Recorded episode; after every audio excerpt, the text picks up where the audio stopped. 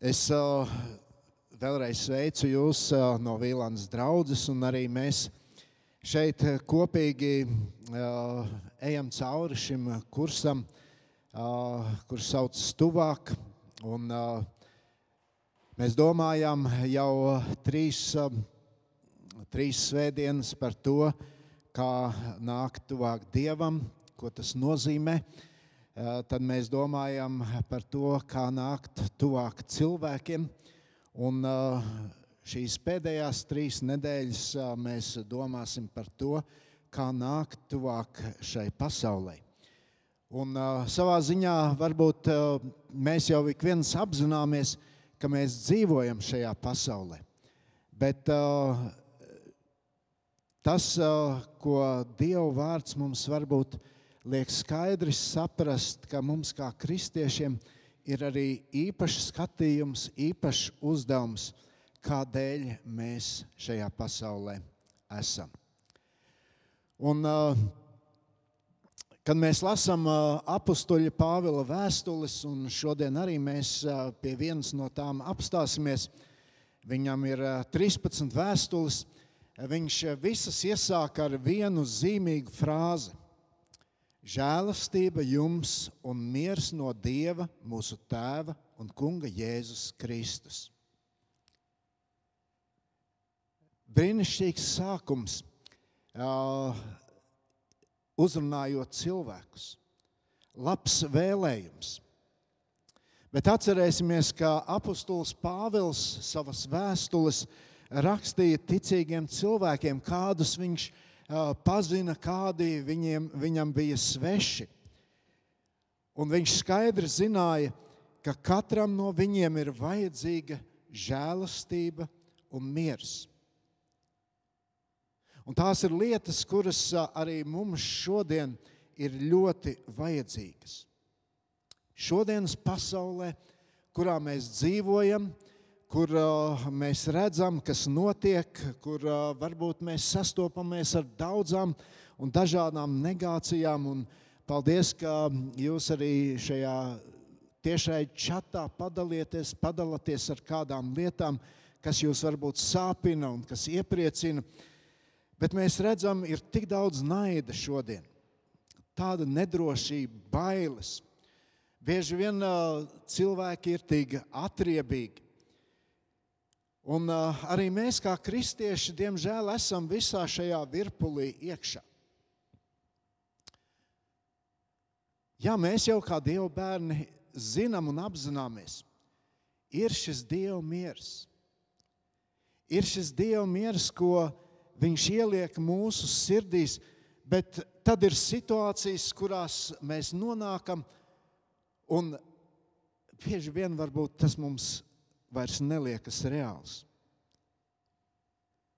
Un, manuprāt, katru vēstuli, ko apustulis Pāvils raksta, viņš sākot ar šiem vārdiem, viņš pēc tam cenšas skaidrot, kas tad ir vajadzīgs, lai šo žēlastību un mieru no Dieva mēs spētu piedzīvot katrā situācijā. Katros apstākļos, kuros mēs kā kristieši nonākam un atrodamies šajā pasaulē.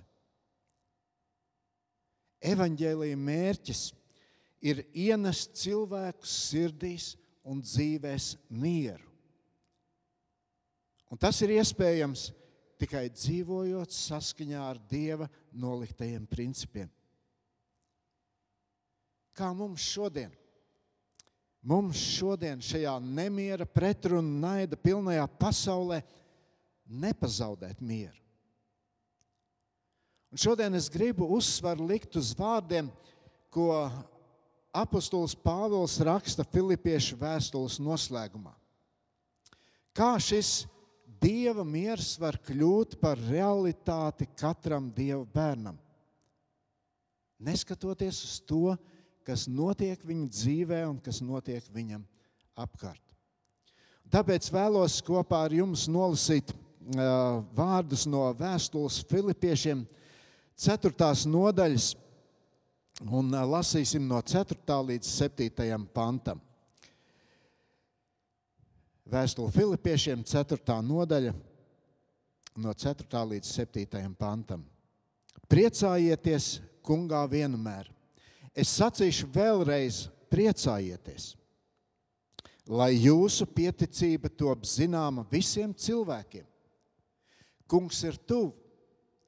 Neesiet noraizējušies ne par ko, bet jūsu vajadzības, lai top zināmas Dievam, ikvienā jūsu lūgšanā, pielūdzot Dievu ar pateicību.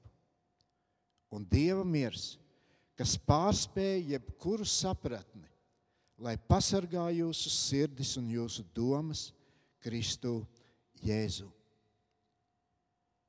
Šajos uh, Pāvila rakstītajos vārdos, tajā pirmajā daļā, no 4. līdz 6. pantam, tas uzsvars ir uz rīcību, un tad pēdējais pants runā par rezultātu.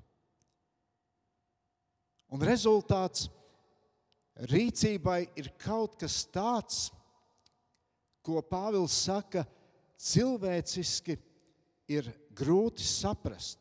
Mēs lasījām, kas pārspēj jebkuru sapratni. Bet vienalga, Dieva miers pasargās jūsu sirdis un domas Kristu Jēzu. Redziet, Pāvils runā par kādu īpašu mieru par mieru, ko nav iespējams iegūt uh, sevi kaut kādā veidā noskaņojot, vai iespējams iegūt sevi iedvesmojot. Bet tas ir miers, kurš iespējams tikai un vienīgi caur Jēzu Kristu. Un mūsu tekstā apustulis Pāvils runā par diviem noteikumiem, kas ir šī dieva miera pamatā. Tas skar katru kristieti, un neskatoties uz apstākļiem, kādos viņš atrodas šajā pasaulē. Un tā pirmā praktiskā rīcība, ko Pāvils šeit saka, ir priecājieties, kungā, vienmēr. Es sacīšu vēlreiz, priecēj, priecājieties. Interesanti, varbūt mums lasot tā uzreiz nemaz neliekas, bet Bībeles pētnieks saka, ka vēstule Filipiešiem ir vēstule par prieku, kur prieks ir galvenā vēstules tēma. Un ja jūs šajā rītā pēc dievkalpojuma varbūt paņemt un izlasīt šo vēstuli, kurā ir tikai četras nodaļas, tad zinot, kādos veidos, kādā veidā šī vēstule tika rakstīta, tas liekas ļoti pārsteidzoši. Pāvils šo vēstuli raksta no cietuma. Cietumnieks, nebrīvībā esošs cilvēks, raksta cilvēkiem, kuri ir brīvībā. Cilvēkam, kuram ir tik daudz problēmas un varbūt raizes cilvēciski skatoties, viņš raksta un rūpējas par cilvēkiem, kuriem tas varbūt ir daudz mazākā mērā, lai viņiem ir miers ar Dievu un prieks sirdī. Un Pāvils atgādina, kas ir šī prieka avots. Ja kristietis nemāk priecāties kungā, tad tāds prieks neko neatšķiras no citu cilvēku prieka kur šis prieks ir atkarīgs no apstākļiem, kur šis prieks ir atkarīgs no cilvēkiem, kuri varbūt mums ir līdzās un visādos veidās, veidos cenšas mūs ietekmēt. Lai Dieva miers, kurš pārspēj jebkuru sapratni, pasargātu mūsu sirdis un domas Kristu, ir jāmācās smelt no patiesa prieka avota. Un droši vien apustulis Pāvils kaut kur savos sirds dziļumos jūta, lai arī viņš bija nošķirts no visiem cietumā, kur nebija nekādas iespējas sazināties, varbūt tā kā tas ir šodien, kaut arī nedaudz. Viņš jūta, ka šie jaunie kristieši, kuru, kuri pulcējas kopā un draudze bija tikko dibināta, ka šiem jauniem kristiešiem, kur viņi ir piedzīvojuši šo Kristus klātbūtni savā dzīvē, piedzīvojuši, ka šis miers piepilda viņu sirdis. Viņi tomēr dzīvojot šajā pasaulē un sastopoties ar grūtībām un dažādiem izaicinājumiem, bija kļuvuši satraukti. Varbūt viņus daudzas lietas nomāca, viņi bija sākuši zaudēt šo mieru. Un tāpēc arī šodien šis jautājums ir tik aktuāls. Kā mēs varam priecāties kungā šodien? Vispirms es gribu teikt, ka šis prieks, uz ko mūs mudina apustulis Pāvils, viņš sastāv vispirms jau no prieka par glābšanu, kuru mēs esam saņēmuši kā dāvanu no Dieva. Tik bieži tajā ikdienā rūpēs, varbūt tajā steigā mēs aizmirstam, es esmu glābts. Es esmu izglābts caur Kristus upuri Golgāta. Tik ātri mēs varam aizmirst to vainas apziņu, kurā mēs varbūt dzīvojam daudzus gadus, kurā mūs, kura mūs nomocīja. Un tad bieži vien mēs esam tik ļoti pārmen, pārņemti, lai tikai kaut kā sevi iepriecinātu, padarītu priecīgāku, lai kaut kā pierādītu to, ka nu, es jau esmu kaut cik normāls kristietis, pierādīt savu taisnību. Atcerieties, apustulis Pāvils bija ceļā uz Damasku. Viņam bija, es teiktu, cēls mērķis. Viņš devās tur, lai pierādītu savu taisnību. Viņš devās tur, lai tiem uh, Kristus sekotājiem pateikt, jums nav taisnība, man ir taisnība.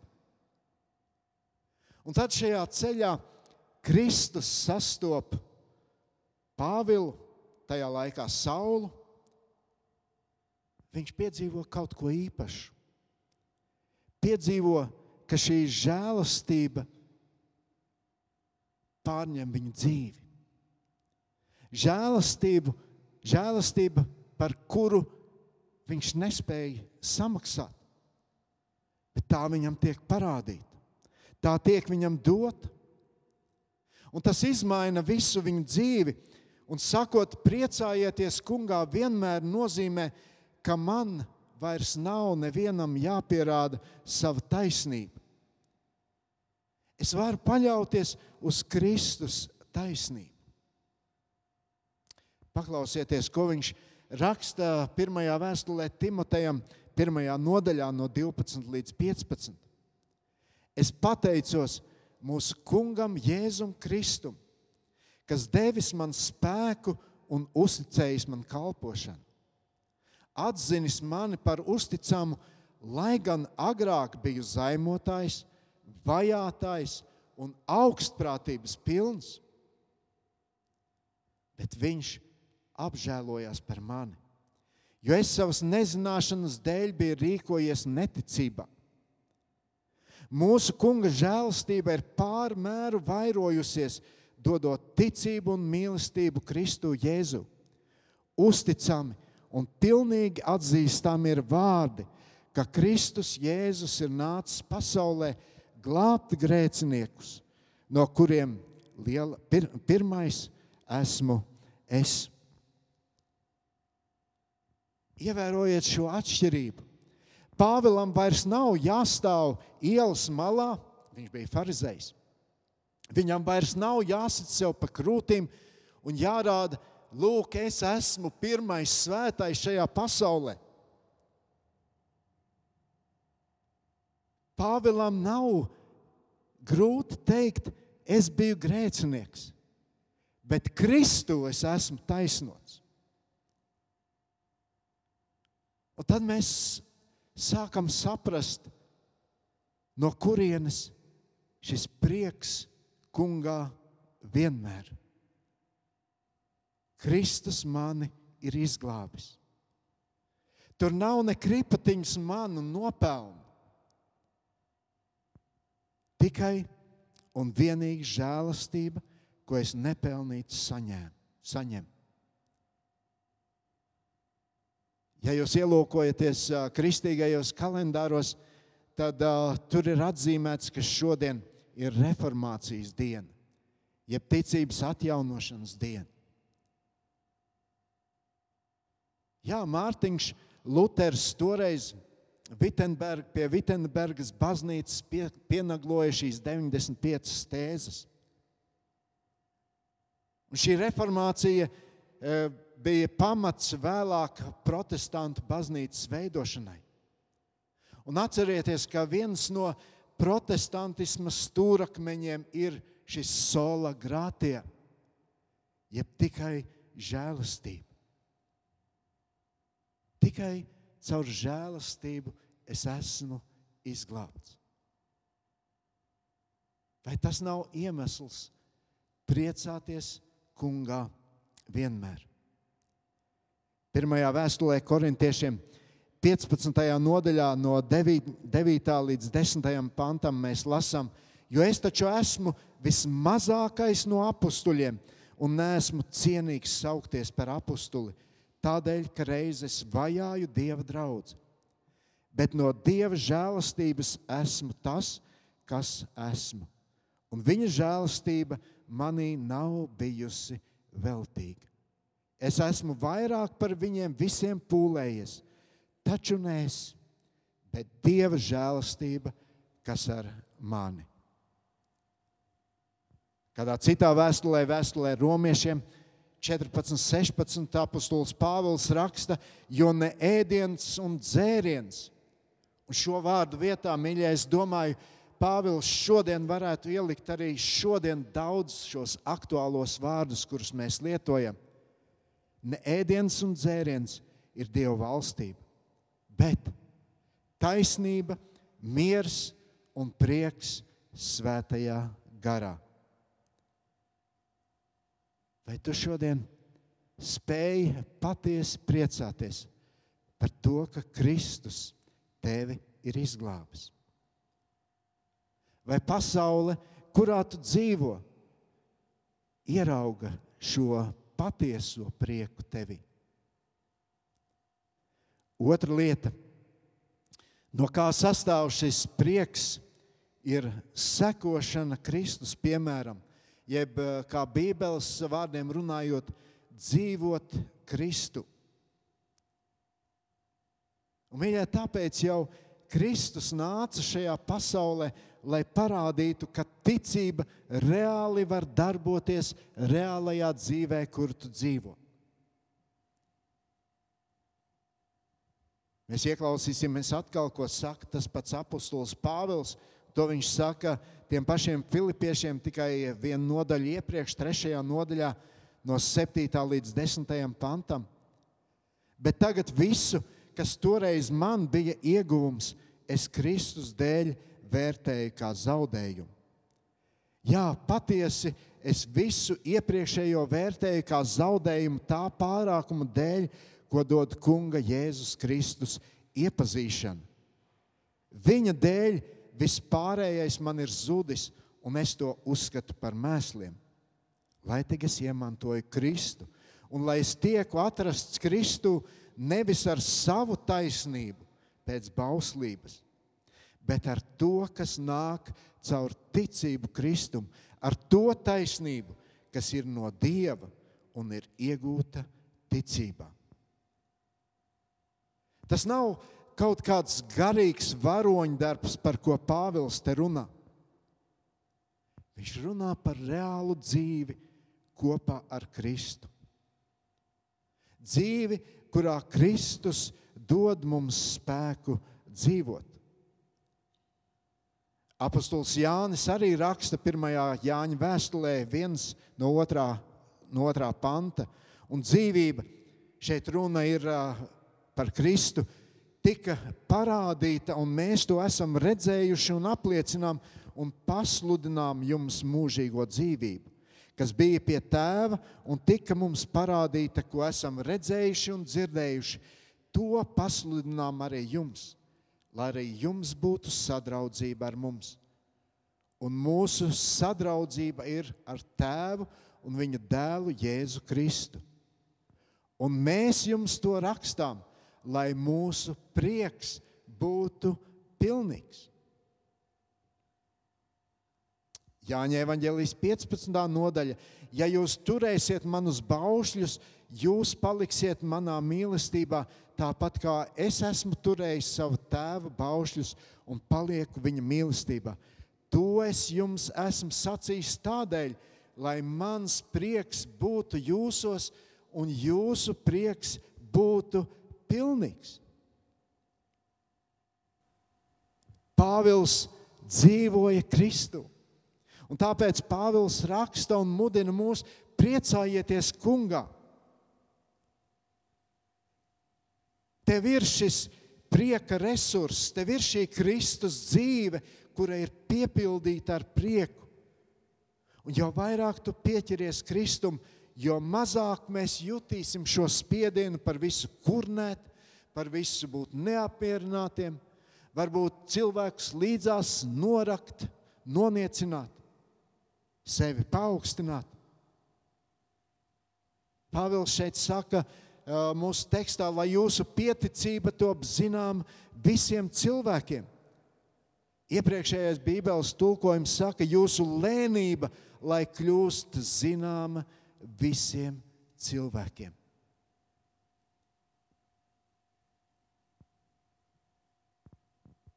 Mēs dzīvojam šajā pasaulē.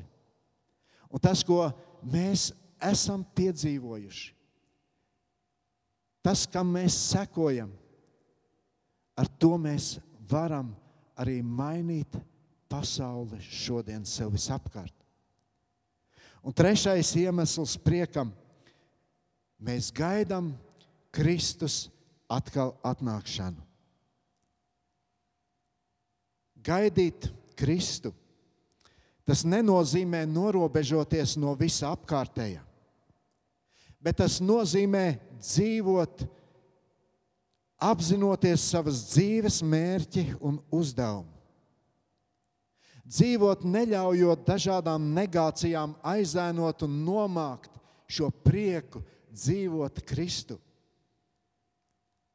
Ja nemaldos, tad Mārtiņš Luters ir teicis, ka ja, ka ja viņš zinātu, ka rīt nāks Kristus, viņš vēl šodien iestādītu ābeli. Pāvils Filipiešiem trešajā nodaļā raksta brāļi, ņemiet par paraugu mani un skatoties, skatieties uz tiem, kas dzīvo pēc mūsu dotā parauga, jo daudzi dzīvo tā, kā jums bieži esmu mēdzis par viņiem teikt. Bet tagad, jo raudot, saku, viņi ir Kristus krusta ienaidnieki. Viņu gals ir pazušana, viņu dievs ir vēders un kauna darbi ir viņu gods. Viņiem rūp tikai zemes lietas, bet mēs esam piederam debesīm, no kurienes mēs ar pacietību gaidām glābēju kungu Jēzu Kristu. Un tad ir jautājums, ar ko tu šodien, brāli, māsa, kristiet, ar ko tu šodien sevi baro? Šodien, kad tā ēdienu karte ir tik plaša, Tev nav pat jāiet ārā no mājām. Tu sēdi pie datora un tik klikšķini. Bet padomā, vai tas tevī vairo šo patieso prieku, kuru dod Kristus? Vai tas tevī izdara kaut ko pavisam pretēju? Pirmajā Pētera vēstulē, pirmajā nodaļā no 3 līdz 7 mēs lasām, slavēts lai ir Dievs un mūsu Kunga Jēzus Kristus Tēvs, kas savā lielajā žēlastībā mūs ir atdzemdinājis dzīvai cerībai caur Jēzus Kristus augšām celšanos no mirušajiem, neiznīcīgam, neaptraipītam un nevīstošam mantojumam, kas ir uzglabāts debesīs jums, kur tiekat pasargāti ticībā, pestīšanai, kas sagatavota, lai Dievs to atklātu laiku beigās. Par to jūs līksmojaties, šobrīd vēl nedaudz ciestami. Ja tā vajag dažādos pārbaudījumos, lai jūsu pārbaudītā ticība, kas ir daudz cildināka par iznīcīgā zelta pārbaudi ugunī, parādītu, ka jūs esat teicami, slavējami un godājami dienā, kad atklāsies Jēzus Kristus.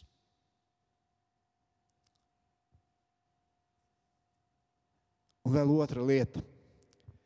Otra praktiskā rīcība, uz ko apustulis Pāvils aicina kristo, kristiešus, kristiešus dzīvojot šajā pasaulē.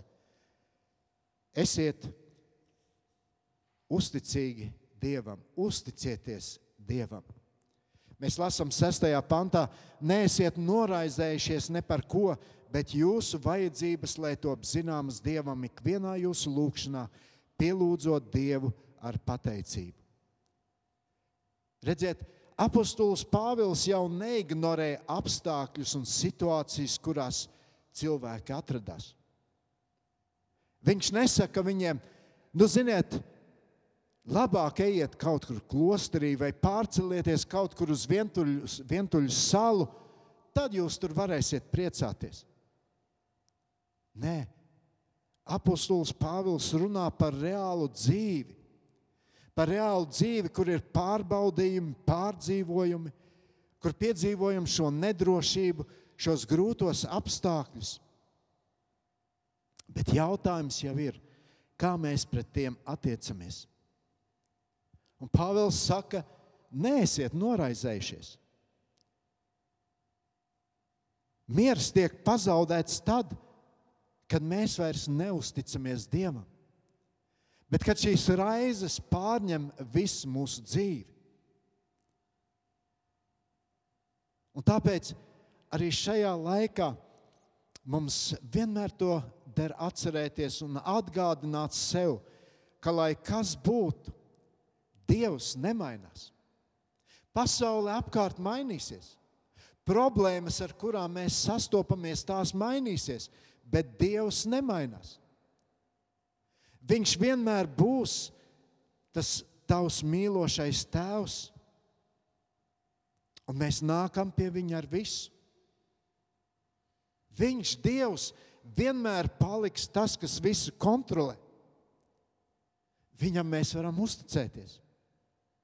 Viņam mēs varam uzticēt visas savas vajadzības, šaubas, visu, kas mani uztrauc, kas varbūt padara manu dzīvi apgrūtinošu. Viņam es varu uzticēt savu nākotni. Pārstāj raizēties.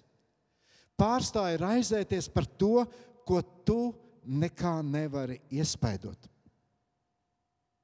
Un apustulis Pāvils, runājot par lūgšanu, uzsver, ka tai ir jābūt lūgumam, nevis prasībai. Kāds Bībeles tulkojums tā arī saka, jūsu lūgumi lai nāk zināmi Dieva priekšā. Kamēr cilvēks par visu ir neapmierināts, kamēr cilvēks par visu kurnu, kamēr cilvēks buntojas pret visu, miera nebūs. 37. psalms saka, bet pazemīgie mantos zemi un baudīs mieru pa pilnam. Lūdz Dievu ar pateicību.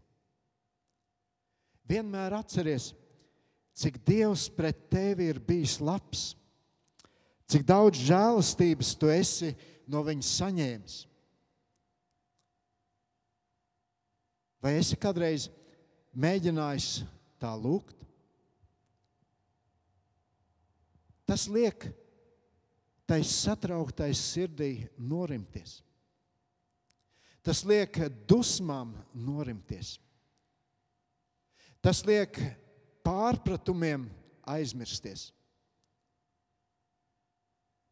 Mēs ļoti labu ilustrāciju varam lasīt Jeremijas raudu dziesmā, trešajā nodaļā, kur Jeremija praktiski ir tādā neapskaužamā situācijā. Daudz kas ir pazaudēts. Jeruzaleme ir izpostīta.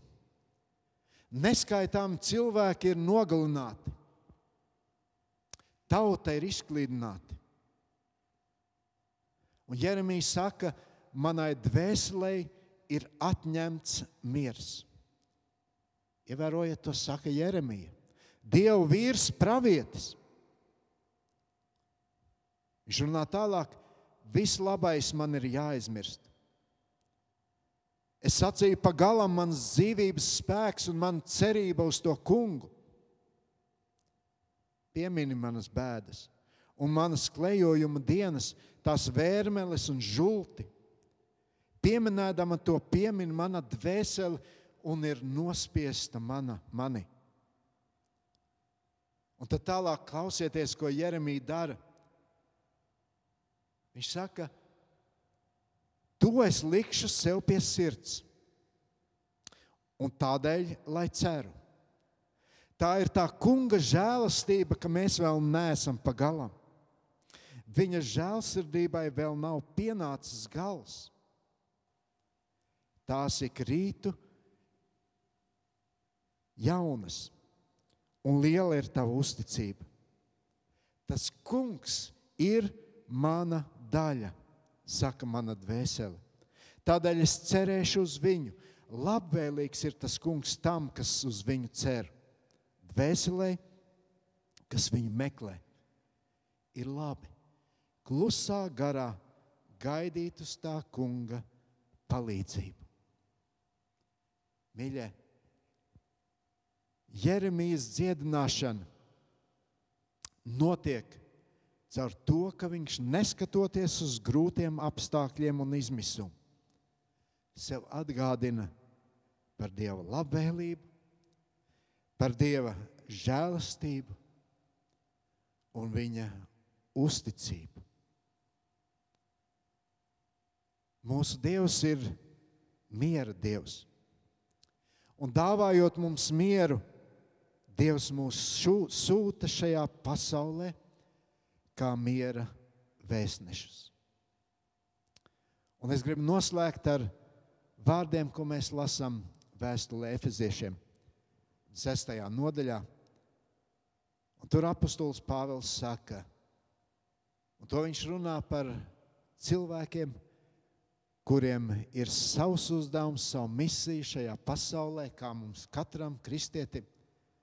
Viņš saka, tad nu stāviet stingri apjozuši ar, apjozušies ar patiesību, aplikuši taisnības bruņas un apāvuši kājas, lai būtu gatavi cīņai par miera evaņģēliju. Lūksim Dievu. Kungs, Dievs, tu katru no mums redzi šajā brīdī. Ar kādām sajūtām mēs eh, dzīvojam šo dienu.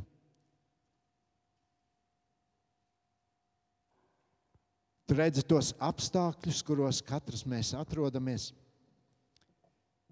Bet, kungs, eh, es gribu lūgt, lai katrs no mums mēs šajā brīdī sajūtam, ka tas miers, kurš varbūt eh, apstākļos dažādos apstākļos atrodoties, mums ir tik grūti saprotams, lai tas tā reāli piepilda mūsu dzīves, mūsu sirdis un mūsu domas, kā tavs vārds saka. Kungs, paldies par to, ka tu esi tas, par ko mēs varam priecāties par to, ko tu mūsu dzīvēs esi darījis un dari vēl joprojām. Un palīdz mums nekad to neaizmirst. Paldies, ka tu lieto cilvēkus, kuri tik dažādos veidos mums atgādina šīs lietas. Un es ticu, kungs, ka tu arī mūs kā savus bērnus šajā īpašajā laikā, kurā mēs dzīvojam, tu vari lietot, lai atgādinātu cilvēkiem, ka tikai tu spēj dot patieso, patieso mieru, pēc kura ik viens šajā pasaulē tik ļoti ilgojas. Vādi mūs un palīdz mums to vienmēr atcerēties, ka tu esi mūsu izglābis. Tava žēlastība ikdienas ir jauna. Atkal un atkal mēs to piedzīvojam. Māci mums būt par visu un vienmēr pateicīgiem. Jēzu, tavā vārdā to lūdzam. Amen.